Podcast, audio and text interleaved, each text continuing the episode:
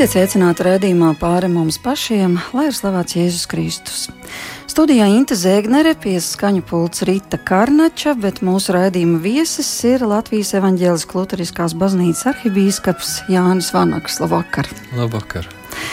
Prieks jūs redzēt šeit studijā pēc gana ilga pārtraukuma, un mūsu šī vakara saruna būs par vārdu par to vārdu, ar ko jūs dalāties katrā dievkalpojumā, un kura apceres mēs jo īpaši gaidām, tuvojoties nozīmīgiem svētkiem tiešraidēs no Rīgas doma.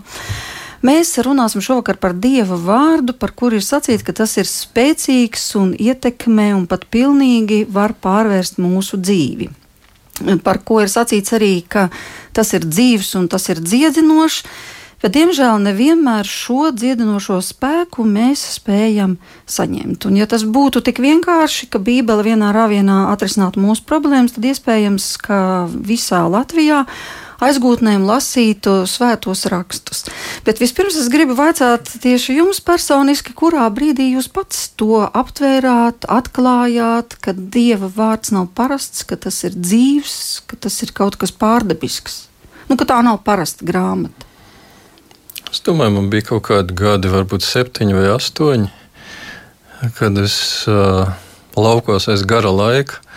Uh, bet varbūt aiz citu iemeslu es paņēmu vecās mātes dziesmu grāmatu un lasīju viņu. Uh, un ne, nevarēju saprast, kas tas ir adventā, un kas tas ir Oziāna vai Aleluja. Bet man likās, ka es daru kaut ko ļoti svarīgu. Tā sajūta bija tāda, nu, pilnīgi nu, es teiktu, pārpasaulīgi. Es nezinu, kāpēc. Un tas ir ļoti sarežģīts jautājums. Mm, jo mēs jau vispār nezinām, mums nav ne jausmas, no kurienes vispār mūsu domas radās. Uh, bet uh, kur no vēl mm, no tādi reliģiski impulsi, katrā ziņā es, tas nebija apzināti, tas bija piedzīvojums, kas ar mani vienkārši notika. Un tāpēc es domāju, ka mm, no, no kristiešu viedokļa Dieva vārds ir dzīves, tā nozīmē, ka tas ir Dieva iedvesmots vārds, un tas ir arī, to ir iedvesmojis gars, kas mīt arī mūsos, ja esam kristīti vai vismaz mūsu uzrunā. Un tāpēc arī Dieva vārds cilvēkus ietekmē pat tad, ja viņi nav ne kristīti, ne iesvētīti nekādā sakarā ar baznīcu. Vismaz daudzus, vismaz ar mani tā bija. Es pieņemu, ka ar visiem tā nav, bet ar mani tā bija. Bet kas tad notika tālāk pēc tās dziesmu grāmatas? Jūs to lasījāt regulāri, vai vienkārši tas bija pirmais solis un tālāk? Nu, ja par manu biogrāfiju, tad bija vēl viena grāmata, kas man līdzīgi mm, kaut kādu interesi vismaz izraisīja dotajā virzienā. bija tāda grāmata Seno grieķu mītne un varoņteiks Nikolai Kūna, ko es biju izlasījis krustām šķērsām tajā pašā vecumā. Un, uh, tur bija par visādiem spokiem, arī empūsā, spoks ar iezeļu kājām, kas tumsā staigā un zog bērnus. Man bija bailes, un tad es sāku dievu lūgt. Bet tā kā es citus dievus tajā laikā, tas varbūt bija pat pirms dziesmu grāmatas, nezinu, es citus dievus nezināju, kā tikai tos, par ko bija lasījis tajā grāmatā. Tad es vērsu savus lūgšanas Olimpu dieviem. Tā kā es esmu varbūt vienīgais dzīvais kristianizētais Helēņa pagāns. Nu, tagad mēs tā runājām par bērnības atmiņām, bet tad pienāk brīdis, kad uh, svētie raksti tiek atvērti ļoti apzināti, ar vēlmi izzināt, varbūt no vāka līdz vākam.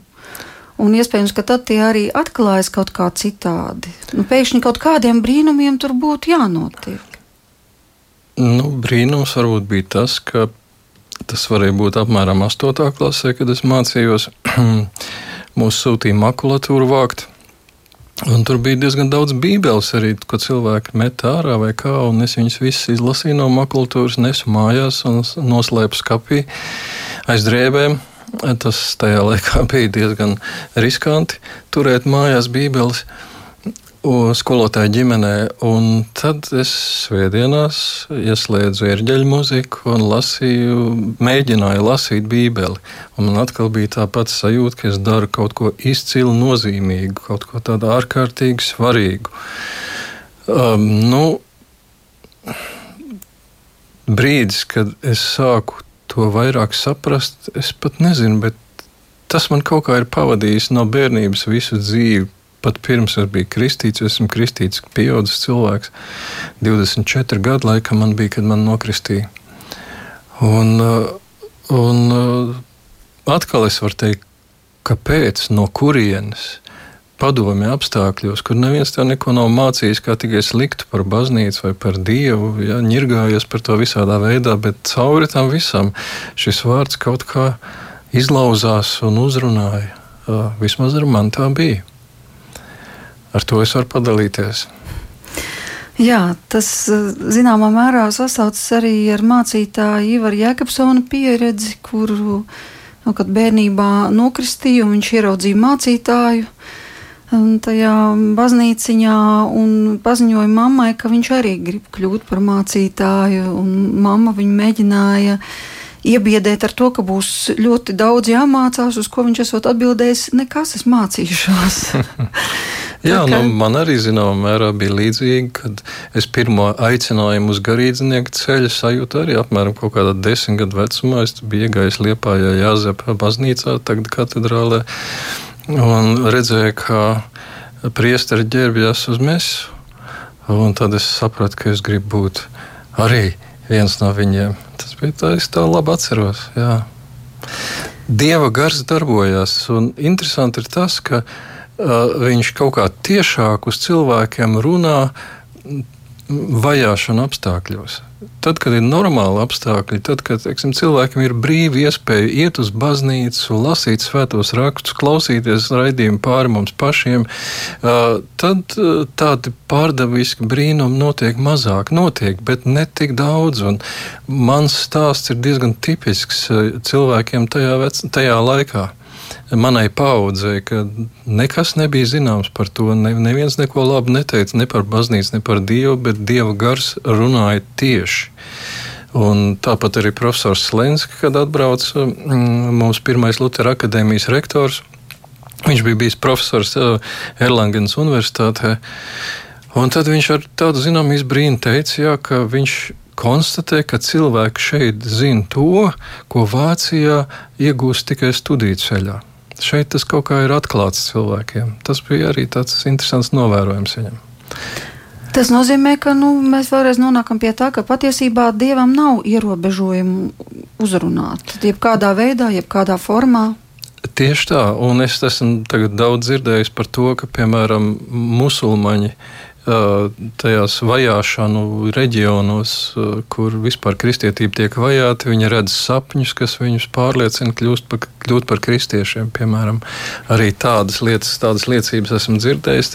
Tur, kur ir apspiestība un ierobežotība, Dievs uzrunā cilvēkus tieši diezgan, diezgan pārliecinoši, bet tur, kur ir mums brīvība, tur Mēs lietojam normālo ceļu un normālos līdzekļus, kas ir teiksim, lasīt svētos rakstus, klausīties dievvvārdu sludināšanu, skaidrojumu baznīcā. Un es pieņemu, ka mēs visu šo vakaru runāsim par to, ko tad ar viņu iesākt.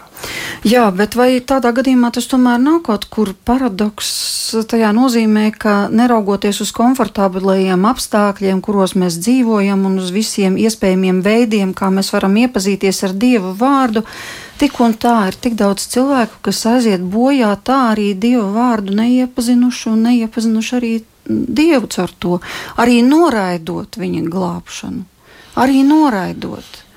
Un joprojām uh, ir ļoti izplatīts, un mēs jau redzam arī Eiropā teiksim, tāds remdenības stāvoklis, ka pie laba komforta, pie bibliotekām, svētajiem rakstiem, interneta, pie visa, kas mums ir, tik un tā nekas dvēselē nemainās. Un tad šķiet, nu, pietiktu dievam ar kaut vai mazu kādu brīnumu, vai ar to, ka es pēkšņi atveru Bībeli un uzreiz šis vārds tik spēcīgi man uzrunā, ka es mainos momentāli. Viņam tikai pussolīt vajadzētu mums paiet pretī, un viss kaut kā mainītos.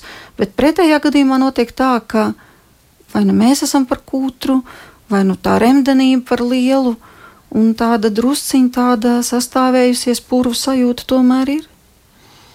Es domāju, ka Dievs no savas puses jau visu izdara. Un panāk pretī tikai uh, man patīk tas pieejams, kā svētais Lojols Ignācijas saka, ka Dievu meklēt visās lietās, savā ikdienā. Tā ir viņa pieeja, viņa pamācība. Un mēs varam Dieva darbību savā dzīvē saskatīt arī lietās, kurām mēs tā uzreiz reliģisku skaidrojumu nepiešķiram. Un tāpēc ir ļoti vērtīga nodarbība tas, ko varētu saukt uh, par eksāmenu, jeb uh, izvērts lūkšanu, mēs noslēdzam dienu uh, un lūdzam svētā gara vadību, izstaigājot atmiņā dienas notikumus, lai svētais gars parāda, kas man ir jāredz savā dienā. Un vispirms es meklēju to, kuros brīžos es esmu sajūtis tā, tādu dzīvības pieplūdumu, kad es jūtos pacelāts, iepriecināts, spēcināts no kaut kā. Un tie ir tie brīži, kad Dievs pieskarās. Un tos ir jāmācās pamanīt. Vispirms ievērot, pamanīt, pazīt. Viņus var pazīt pēc tā, ka ir tas kaut kāds dzīvības saldums viņam klāts, tāds zīmī, dzīvības zīmogs. Un tad cilvēks var, teiksim, pārbaudīt sevi un jautāt, ko es darīju tad, kad ar mani tas notika. Varbūt es to varētu darīt vairāk, rīt, piemēram. Nu, un tad otrs pieejams ir tas, ka es otrreiz eju cauri savai dienai un mēģinu pamanīt tos brīžus, kad dzīvība no manis aizplūda, ka es jūtos nomākts, pamests. Un ko tad es darīju, ka es to piedzīvoju? Un Tas ir tas saucamais pamestības vai nomāktības stāvoklis. Arī tāda brīža dzīvē ir, un varbūt, ja es konstatēju, kuros brīžos tas ar mani notiek, tad es varētu apņemties to darīt mazāk. Un, uh, tas īstenībā ir ļoti noderīgs uh, vingrinājums, ko katrs cilvēks var darīt. Uh, vakarā tā būtu ļoti laba vakar lūkšana. Un trešais, ko var darīt, teiksim, jā, vajag pateikties Dievam par to, kas ir tas dzīvības piedzīvojums, vai varbūt nožēlot un lūgt atdošanu par to, ko esmu darījis, kas man noved pamestībā.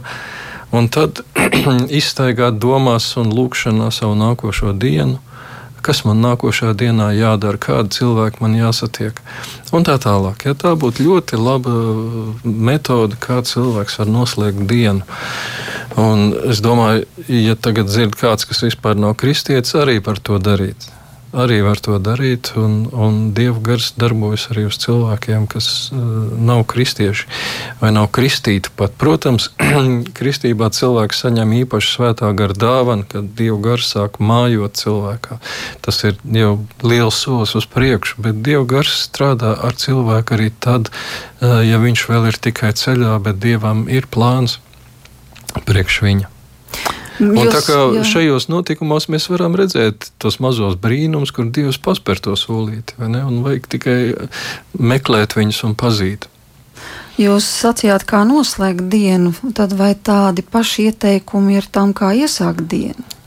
Jā, nu, līdzīgā veidā, ka pirmkārt vajadzētu.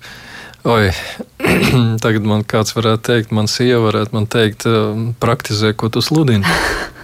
Bet vajadzētu iet gulēt. Padomu vienmēr ir vērtīgi. vajadzētu, vajadzētu iet gulēt pulksten desmitos, izņemot, kad jāklausās šis raidījums. Par vēlu. Jā, nu, saulaicīgi aiziet gulēt un izgulēties tā, lai tu vari pamosties, nu, piemēram, kaut kādos sešos, septiņos, ja, un tad no rīta piec, pamosties ar īsu lūkšanu, pateicību Dievam, pēc tam var neatliekamākās darīšanas nokārtot, kā saka, kas no rīta jādara.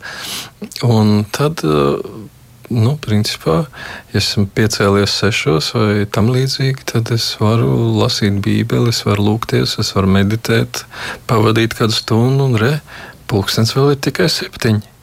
Es varu iet, tas vilpodams, taisīt savu rītu kafiju, un diena būs pilnīgi citāda nekā, teiksim, nokvernot līdz diviem naktī pie televizora un pēc tam pamostoties jau nogurušam un, un, un ienīstot savu dzīvi, atverot acis. Jā, paldies par šiem praktiskajiem padomiem, bet izlasīsim arī to, ko apstults Pāvils saka vēstulē ebrejiem. Viņš raksta, ka Dieva vārds ir dzīves un spēcīgs un asāks par katru abās pusēs griezīgu zobenu un spiežas dziļi iekšā, līdz kamēr pāršķir dvēseli un garu, locekļus un smadzenes, un ir domu un sirds prāta tiesnesis. Jūs varētu komentēt mazliet šo rakstu vietu? Un tas nozīmē, ka mums taču vajadzētu piedzīvot to spēku, par ko šeit ir rakstīts. Nu, cilvēki jau arī piedzīvo. Jā. No pirmās Pirm, reizes? Pirmkārt, jau gan man jā, drusku jāpalabo. Uh, Apostols Pāvils visticamāk nav sarakstījis vēstuli ebrejiem. Uh, pēc valodas spriežot, tas ir vai no evaņģēlists Lūka vai kāds no viņa mācekļiem. Cilvēki kaut kā pieņem, ka tur ir rakstīts Bībelē apstuļu Pāvila vēstule ebrejiem, bet tur tā nav rakstīts, tur vienkārši vēstule ebrejiem. Uh, nu, tas tāds mazs labojums vai precizējums. Bet uh, uh, nu, te jau nav daudz ko komentēt. Nu, īstenībā jebkurš ideāls ir tiesnesis. Ja, ja mums ir ideāls, viņš mūs uh, vienlaikus sauc pie sevis, aicina, iedvesmo un arī tiesā par to, ka mēs neesam atbilstoši savam pašu ideālam. Un Dieva vārds, nu, Kristus vienmēr ir bijis visu ideālu ideāls, un Dieva vārds ir ideāls, un tāpēc Dieva vārds ir tiesnesis. Sirdžu un domu tiesnesis. Tas ir tas etalons, pie kā mēs varam samērīties un atklāt savu savu neatbilstību. Tas ir, nu, mēs teiktu, ka Dieva vārdā ir divi aspekti - ir bauslība un ir evaņģēlijs. Ja, un tam bauslības daļa ir tā, kas atmasko mūsu, ja, kas atklāja un uzrāda mums pašiem mūsu pašu neatbilstību. Un cilvēks, kurš uh, lasa svētos rakstus, nu, teiksim, nevis ar nolūku viņus kaut kā izsmiet vai strīdēties pretī, bet pat arī tad, noteikti piedzīvos to, ka ir kaut kādi vārdi, nu, kas tā kā ar pātagu iecerti. Man pašam tā ir bijis kādreiz, kad es stāvu altārī un lasu Bībeles lasījumu un man pašam tā kā augsts iziet caur kauliem, kad es atceros pats savus, teiksim, kādreiz aplamās rīcības vai grēkus. Tā kā šeit ir viss diezgan pats par sevi paskaidrojošs, ka Dieva vārds tiešām ir tas, kurš uzrāda, kurš tiesā, un īstenībā bauslība nevis uh, saka, uh, nu, kas tev jādara, tev būs, tev nebūs, bet viņi saka kaut ko daudz briesmīgāk. Bauslība saka, ir jau noticis, tu jau viss esi izdarījis, par ko tevi var iemest ellē, uh, kas tev pazudina. Viss jau ir izdarīts, jau noticis. Un tad ko tu vari darīt? Un, un, un pat Kristus žēlsirdīgais saka, neko. Ko jūs varat dot par savas dvēseles atpirkšanu? Nu, neko. Un tad tā otra daļa ir tā evaņģēlīja daļa svētiem rakstiem vai dievu vārdām, ka Kristus saka, Es esmu nācis bauslību nevis atmest, bet piepildīt. Un tad, kad es nesapratu šos vārdus, tad man vēl trakāk tas likās, ka tagad viņš nāk tā kā tiesu izpildītājs. Ja? Viņš nācis ar, līdz pēdējai raksta zīmē. Neviena mazākā zīmīte nepazudīs, iekams netiks piepildīta. Šausmīgs vārds it kā, kamēr nesaprot to, ko viņš saka, ka es nāku piepildīt tavā vietā tavā vietā. Tu, kas neesi to spējis izdarīt, bieži vien neesi gribējis, tu to neesi izdarījis, tu esi izdarījis visu, kas teiksim, tev pazudina. Bet es nācis bauslību piepildīt tavā vietā, lai uzdāvinātu tev savu svētumu, savu pie, sevis piepildīto bauslību. Tā ir labā vēsts, ja tas ir evaņģēlijs. Un, un, uh, uh, nu jā, viņš nodzīvoja mūsu vietā to perfekto, nevainojamo dzīvi, kādu Dievs prasa no katra cilvēka. Un tas, kurš tiek kristīts un tic uz viņu un cenšas dzīvot pēc sirdsapziņas un iet svētāpšanas ceļu, tam viņš gal galā uzdāvina savu svētumu, ar ko mums nostāties Dieva priekšā.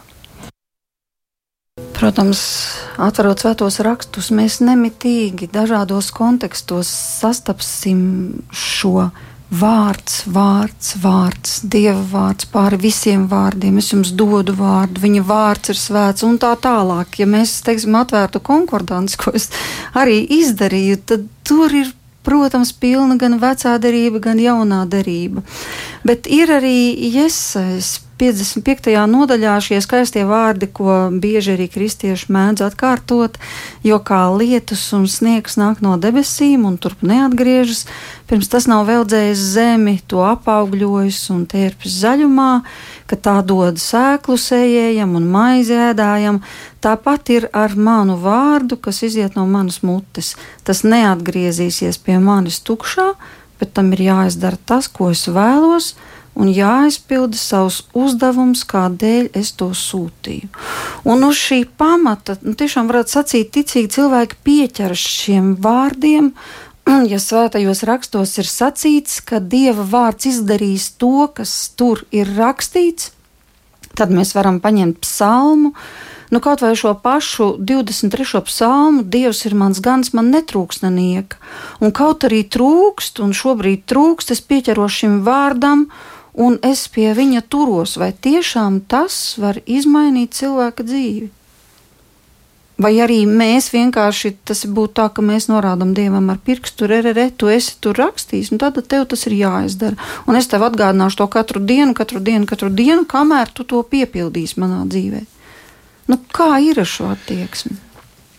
Nu, vispirms tas nav nekāds brīnums, ka vārds tik daudz ir pieminēts svētajos rakstos, jo uh, tur, kā saka, mazā mērogā atkārtojas vai piepildās tas, kas bija visu sākumā, proti, mm, iesākumā bija vārds.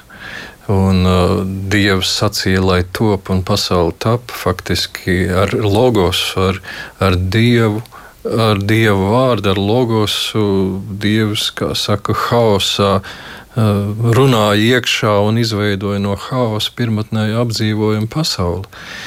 Un tas pats notiek ar to pašu dievu vārdu, dara arī mazākos mērogos, katrā cilvēkā, gan arī sabiedrībā, gan tam līdzīgi. Un, tāpēc pilnīgi dabiski, ka vārds tiek pieminēts, jo tas ir nepārtraukts process, eh, kas notiek. Par to, ka. Neatgriežas tukšā. Nu, Piepilda, viņš, protams, neatgriežas tukšā nu, tikai. Nu, Nu, paņemsim šos pašus 23. psalmu vārdus. Tiešām labums un žēlastība mani pavadīs visu manu mūžu, un es palikšu tā kunga namā vienmēr. Nu, tie taču ir zelta vārdi. Nu, ja es katru dienu šos vārdus turu savā sirdī, savā priekšā, es tos atkārtoju, neraugoties uz to, kādi ir apstākļi. Vai tad tiešām tas neizmaina neko? Vai arī gluži otrā tas, tas nevar ne, neizmainīt? Tas, protams, izmaina, ja cilvēks dzīvo uh, nevis šos vārdus. Pirmkārt, es domāju, ka svētos rakstus lasot, ir, ir veselīgi to reizēm darīt skaļi. Ir pirmajā psalmā ir tas, kas kurš eh, svētīgs ir tas, un tur tas ebreju vārds, kas tagad jaunajā tulkojumā ir labi pārtulkots, kas dudina eh, dieva bauslību dienu un nakti dudina. Man ļoti iepatikās šis vārds jaunajā tulkojumā. Un, nu, ko tas nozīmē? Nu, mēs varam teiksim, pie sevis recitēt to pašu psalmu vai kādu citu dievu vārdu, kas mums ir palicis atmiņā. Es reiz satiku tādu mūķeni bija izbijuši Olga Daudzvārdi, kas bija uzrakstījusi kaut kādu tādu tā kā ateistisku grāmatu, par ko gan viņa man teica, ka viņa aprakstījusi savu pieredzi un tās ateistiskās beigas, kur dievs tiek nolikts, tur kāds cits ir pierakstījis vienkārši.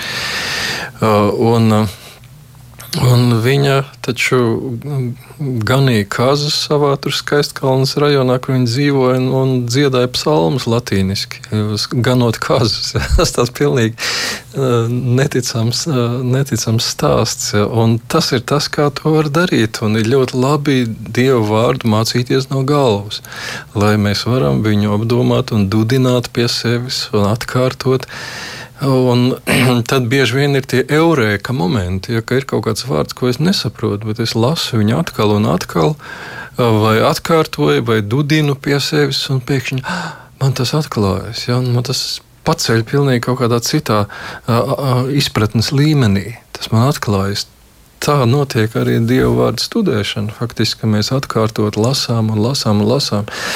Tāpēc es domāju, ka cilvēks, kurš uh, dzīvo ar kaut vai pieminētiem psalmu vārdiem vai kādiem citiem vārdiem, uh, dien dienā ar sevi ar to konfrontē, nu, tas nevar neizmainīt. Tas ir tāpat kā no pirmotnējā haosa Dievs radīja apdzīvojamu pasauli, tā arī uh, Dieva vārds cilvēku dvēseli padara apdzīvojamu un labu, uh, ja tikai mēs to regulāri, ja Bībeles lietošanā vai Bībeles lasīšanā ļoti svarīgi ir regularitāte. Ir daudz labāk lasīt desmit minūtes reizes dienā, nevis, teiksim, trīs stundas svētdienā. Kāpēc? Nu, tieši tā paša iemesla dēļ, kad es tiek konfrontēts ar Dieva vārdu atkal un atkal un atkal. Nevis, teiksim, lasu pirmkārt trīs stundas, neviens nevar koncentrēties ne uz ko.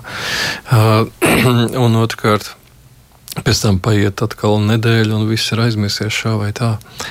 Tā kā es domāju, ka Es nevaru iedomāties, ka ja cilvēks katru dienu dzīvo ar vārdu, tā kā jūs aprakstījāt, ka nekas nenotiek. Tā nemēdz būt. Ir kāda vēl ļoti īpaša vieta svētajos rakstos, un tas ir Marka evanģēlijā 11. nodaļā, kur Jēzus saka, visu, ko jūs lūgdami lūgsiet, ticiet, ka jūs dabūsiet, un tad tas jums notiks. Pat ir, manuprāt, vēl viena evaņģēlijā vieta, kur ir rakstīts, ka pirms jūs lūdzat, ticiet, ka tas jums jau ir, un tad tas jums notiks.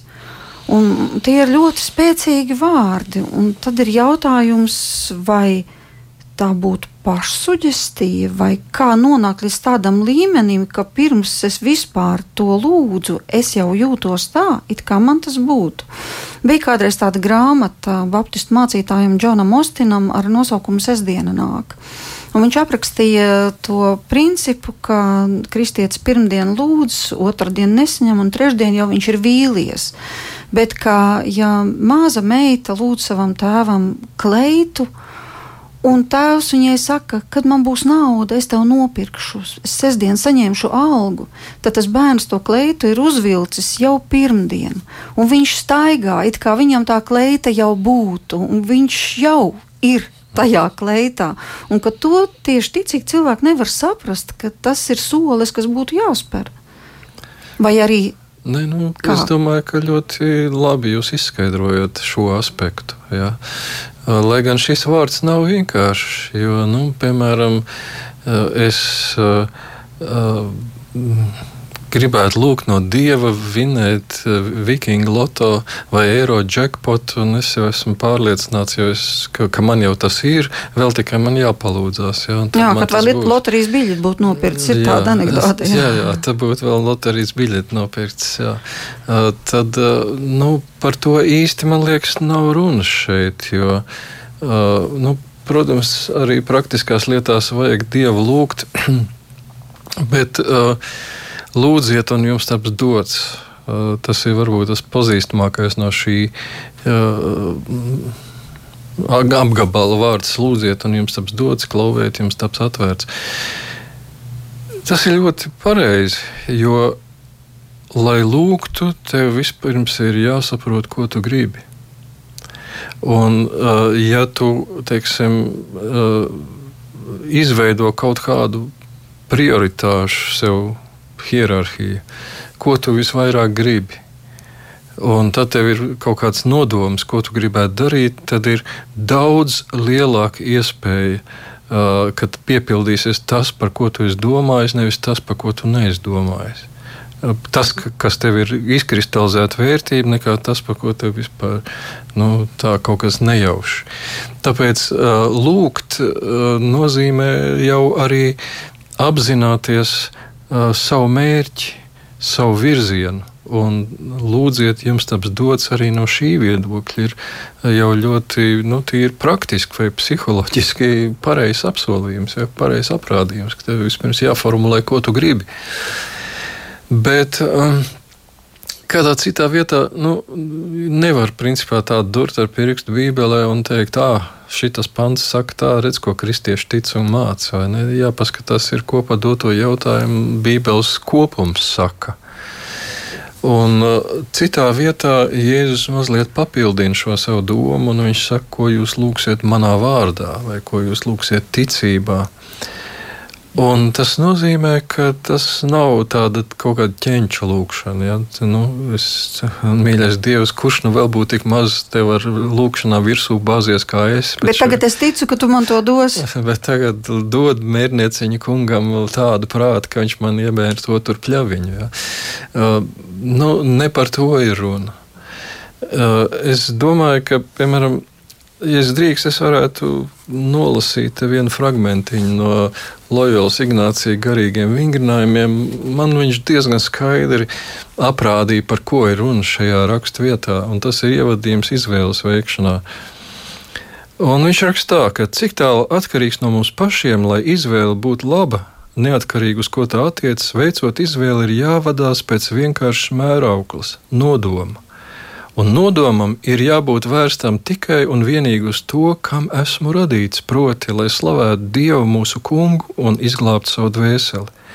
Tāpēc, lai arī uz ko attiektos mana izvēle, tai ir jābūt tādai, kas palīdzētu man sasniegt šo mērķi, kuram esmu radīts.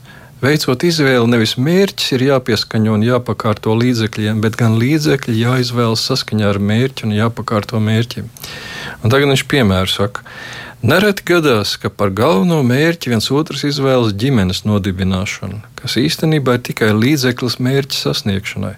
Turpretī patu pašu mērķi, proti, kalpošanu mūsu kungam laulības dzīvē, pakārtošai savai galvenai izvēlei. Tāpat rīkojas tie, kas cenšas vispirms iegūt baznīcas beneficijas, nu, tā tādas baznīcas apmaksātas posteņus un tam līdzīgi. Un tikai pēc tam kalpot dievam ar šiem beneficijiem. Proti, viņi nevis iet dievam pretī, bet grib, lai dievs nāktu pretī viņu vēlmēm, kas nav pakārtots mērķim. Šādā veidā viņiem mērķis kļūst par līdzekli, bet līdzeklis par mērķi, un līdz ar to mērķis tiek atbīdīts malā, lai gan tam būtu jābūt galvenajam. Jo pašā pirmajā vietā mums jāizvirza mērķis, proti, vēlme kalpot dievam, un tikai otrajā vietā drīkst būt līdzeklis mērķa sasniegšanai, proti, iegūt beneficiju vai no, nodibināt ģimeni, ja, ja tas vai cits man noder labāk. Tā tad nevis kaut kas, bet vienīgi kalpošana Dievam, mūsu kungam, viņa slavināšana un manas dvēseles mūžīgā pestīšana drīkst pamudināt mani izmantot tos vai citus līdzekļus, vai arī no tiem atteikties.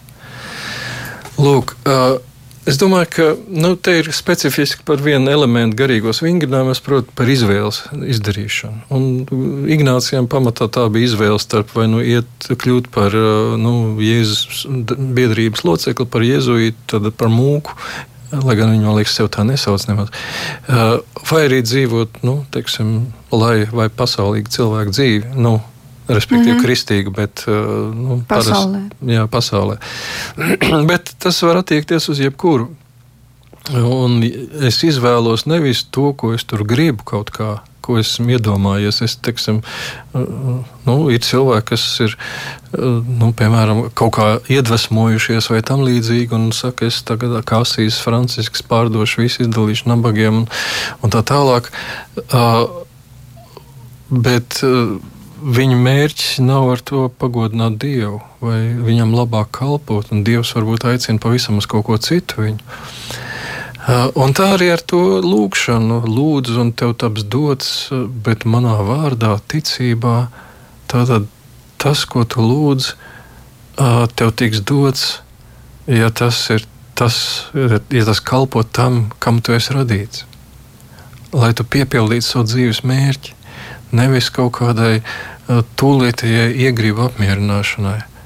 Uh, nu, tā es domāju par šo vārdu. Jo citādi tas būtu pārāk vienkārši. Ja, kad, kad, kur divi vai trīs manā vārdā ir kopā un kaut ko lūdz, tas viņam notiks.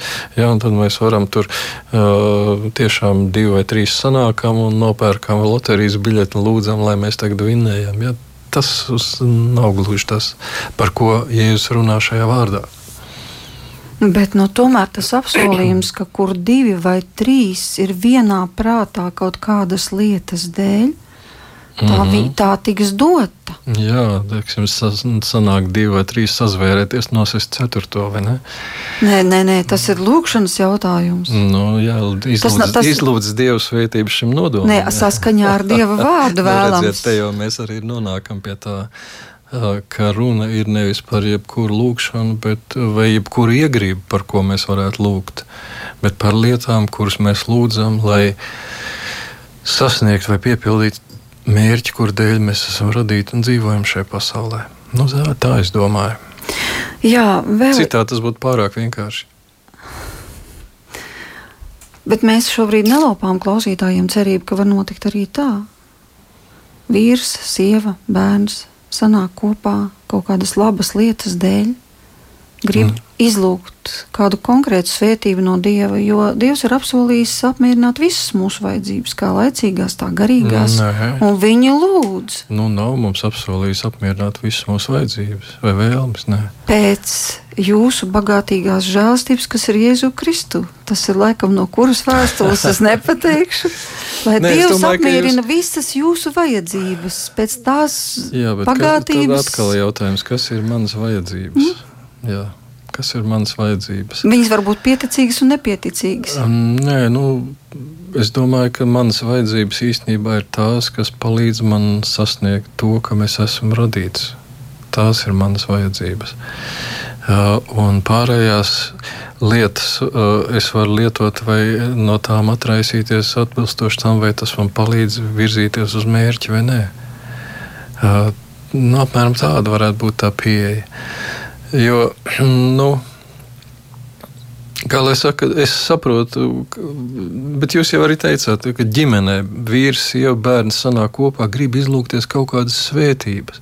Svētības, svētības tātad lietu, kas pagodina Dievu un palīdz teiksim, izglābt, izglābties, skaitā, arī jā. pašiem izglābties. Jā, bet tas nebūs teiksim, uh, uh, lūkšana par to, lai man, es nezinu. Nu, neienāk prātā kaut kāds algas pielikums. Alg, algas pielikums jā, Nav vai, pārāk cēls mērķis. nu, jā. Es, es pieņemu, ka mēs sapratām viens otru, un klausītāji mūs saprata. Jā, labi. Vēl viens jautājums par to vietu, kas ir rakstīts Lūkas evanģēlijā, ka Jēzus izsūta 70 mācekļus un saka, ejiet, neņemiet neko līdzi Un, kad ieiesiet kādā namā, sakiet, miers ar jums, un ja šajā namā dzīvos miera bērns, tad tas miers uz viņu paliks. Bet, ja nē, tas atgriezīsies pie jums atpakaļ. Tā tad šajā gadījumā var saprast, ka vārds tas ir kaut kas materiāls. Un vai var būt tā, ka viens cilvēks saka, miers ar tevi, un tie vienkārši ir tukši vārdi, un otrs cilvēks saka, miers ar tevi, un cilvēks iegūst dieva mieru.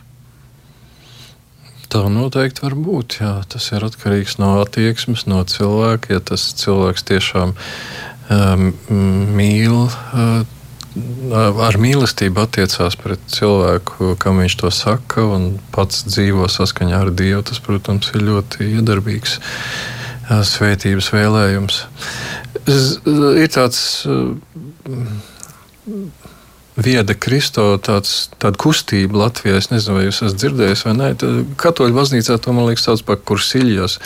Tas bija saistīts ar Santiago de Compostela ceļojumu, to gīdu sagatavošanu, bet to ir pārņēmuši arī protestantu pasaulē un pie luterāņiem to sauc uh, Vieda Kristo. Visiem var ieteikt ļoti laba lieta. Mums viņa burtniekos parasti tiek organizēta. Un, kas nezina, painteresēties. Tiešām var ieteikt labu lietu, bet tur ir tā, ka cilvēki, kas to ir izgājuši, viņi iemācās tādu sveicienu, Dievs tevi mīl un es arī. Nu, ar ko sveicināt otru cilvēku. Un kādreiz tas man tā kā liekas. Um, nu, es skaidri zinu, ka tā nav taisnība. Vismaz tā otrā daļa noteikti nav taisnība. tāda tā, tā, tā, nu, skaista izrunāšanās, ja, skaista lieta, ko pateikt. Ja, Dievs tev mīl un es arī, bet teiksim, šī es arī daļa ir absolūti nepārliecinoša. Ja, tā arī tā var būt, ka kāds cilvēks saka šos vārdus, un tas, tas nav pa īstam, tas ir falšs. Un Un līdzīgi arī klausītāji noteikti var būt, ir cilvēki, kas ir ļoti noraidoši pret kādu, kas ienāktu mājās un dievu vārdā sacīt miers ar jums, un viņam parādīt durvis. Arī tā var būt sevišķi pie latviešiem, kur nav tāda atvērtības un viesmīlības tikuma, kā Jēzus laika, teiksim, svētajā zemē.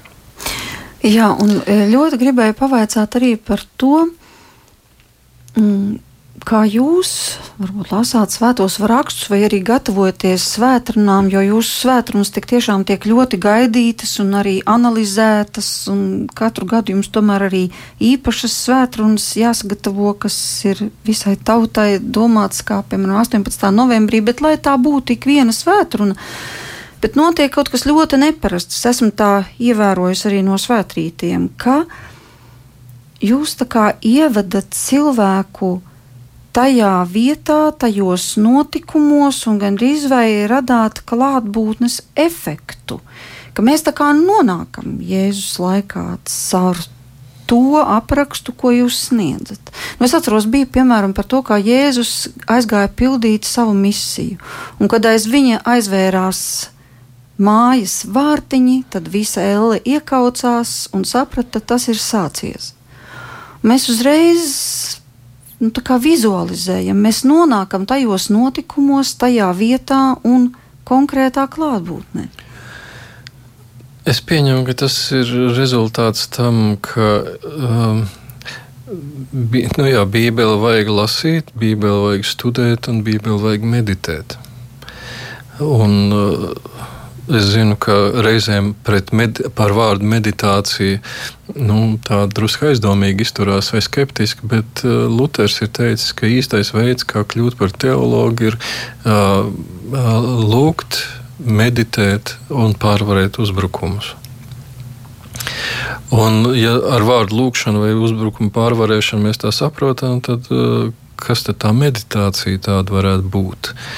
Un es domāju, ka Luters uh, principā domāju savā laikā ļoti pazīstamu Bībeles lasīšanas veidu, ko sauc par lekciju divīna, jeb svēto vai dievišķo lasīšanu. Uh, un tas ir tāds paņēmiens, ka mēs lasām svētos rakstus tā ļoti lēnām un klausoties, kas, vai vērojot, kas manī atsaucās. Un tad, ja kaut kas man pārsteidz vai uzrunā, es nelasu tālāk. Ja tas nav tā kā Bībeles lasīšanas plāns, man jāizlasa tāda un tāda nodaļa tajā dienā. Nē, es apstājos kaut vai pie pirmā vārda, tas man saviļņo, uzrunā. Ir šis dzīvības, tas garša tam tad es palieku un dudinu un atkārtoju to tik ilgi, kamēr man tas kaut ko dod. Uh, bet ir arī otra uh, tāda. Uh, Bībeles lasīšanas metode, ko sauc par iztēles kontemplāciju, un to ir faktiski jau 14. gadsimtā, man liekas, visvairāk to ir attīstījis vai ieteicis tāds Saksijas Ludolfs, kurš ir uzrakstījis tādu iespaidīgāko varbūt viduslaikus atcerējumu par Kristus dzīvi, Saksijas Ludolfa Kristus dzīvi. Un viņš saka tā, ka Bībeli vajag lasīt uh, svētītā iztēlē nevis par kaut, kā, kaut ko, kas ir noticis pagātnē, bet mēģināt piedalīties tā, it kā tas notiktu šobrīd ar tevi, un tu esi tajā notikumā iekšā. Un šo uh, izcils kontemplācijas metodes diezgan daudz esmu lietojis, un tas tiešām palīdz iedzīvoties un izprast un ieraudzīt pašam, kā tas ir varējis būt.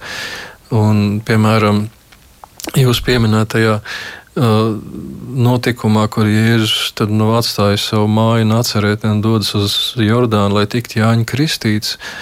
Uh, nu, mēs tam vienkārši nu, kā lasot pārskanām pār tur kaut kāds viens vai divi teikumi, vai pusteikums vispār. Tad Jēzus devās pie Jāņa uz Jordānu, lai tiktu kristīts.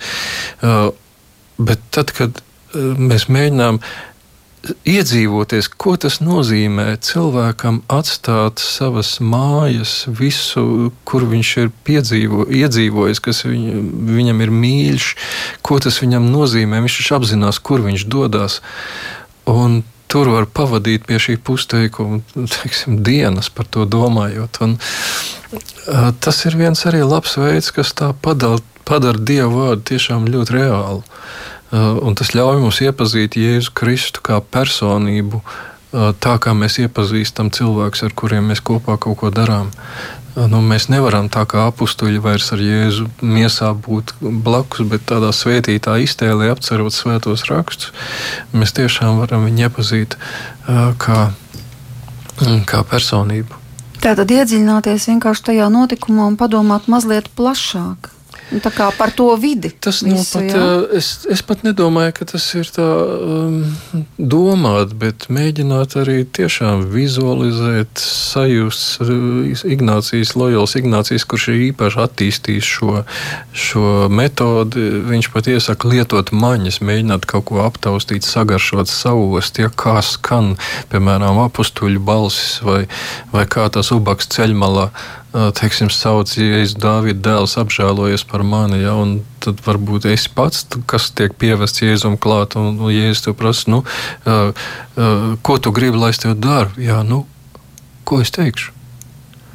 Uh, tā, tā ir ļoti interesanta metode, un, un to var es teiktu, garīgā līdzgaitnieka vai vadītāja vadībā apgūt. Es nezinu, vai to pašiem ir vērts uh, uz savu roku darīt, bet, nu, teiksim, ja kāda interesē, mums ir jau sagatavot pietiekami daudz garīgie līdzgaitnieki, kas var palīdzēt cilvēkiem apgūt šo bībeles lasīšanas metodi. Un, Tie ir tā kā kursi vai kā tas ir? Nu, rekolekcijas, mēs to saucam rekolekcijas, jā, retrīti ir cits saka tādā veidā.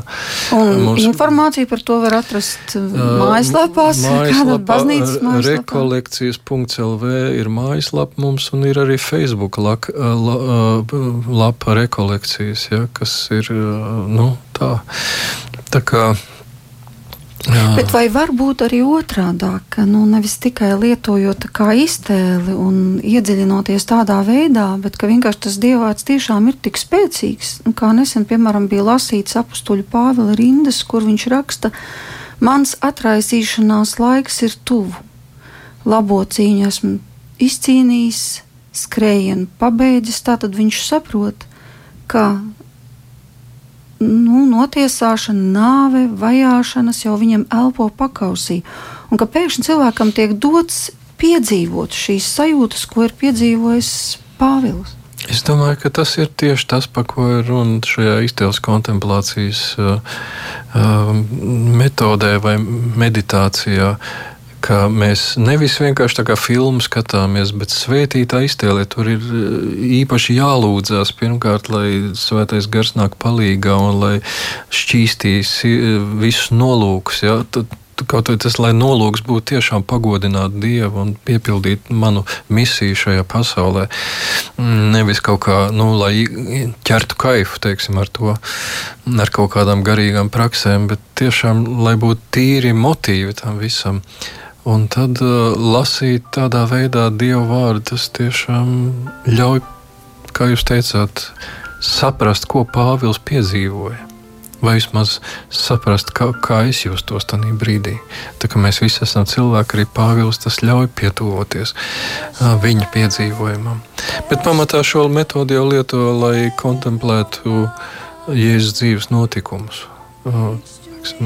Apustuļu vēstulēm vai praviešu rakstiem vairāk lietoto lekciju divīna metodi, ka mēs lasām ļoti lēni un apstājamies pie tā, kas mūs pārsteidz, un kavējamies pie tā, un tad sarunājamies ar sevi un ar Dievu par to, kas tajā brīdī mūs ir uzrunājis. Mēs, uh, un tad, ja Dievs sāk atbildēt, tad mēs vienkārši esam viņa priekšā un saņemam un saņemam, un neko vairs nevajag teikt mums. Tas ir drusku jau tāds pavisam cits veids, kā darboties ar svētiem rakstiem. Nevis vienkārši lasīt un mēģināt salikt kopā to pantu ar to pantu un ko tas nozīmē. Arī to vajag darīt. Tikai Uh, mēs laikam mums jābeidz raidījums. Tā ir, jā. Es varētu vēl tad stā, turpināt stāstīt. Ieskat, ieskatīties manā blogā uh, arhivanaks.blogspot. Uh, nu, jā, man blogā ir viens raksts par šo lietu, ko iesākt ar jauno Bībeles tulkojumu. Tur es diezgan esmu aprakstījis šīs lietas, izņemot iztēles kontemplāciju. Paldies, ka atļāvāt mums ieskatīties mazliet dziļāk arī svētajos rakstos un vairāk izprast. Šī vakara viesis bija arhibīskaps Jānis Vanaks. Paldies par šo viesošanos mūsu studijā. Radio studijā kopā ar jums bija Inte Zēgnere, bet par skanējumu rūpējās Rita Karnača. Lai svētīgs mums šis vakars!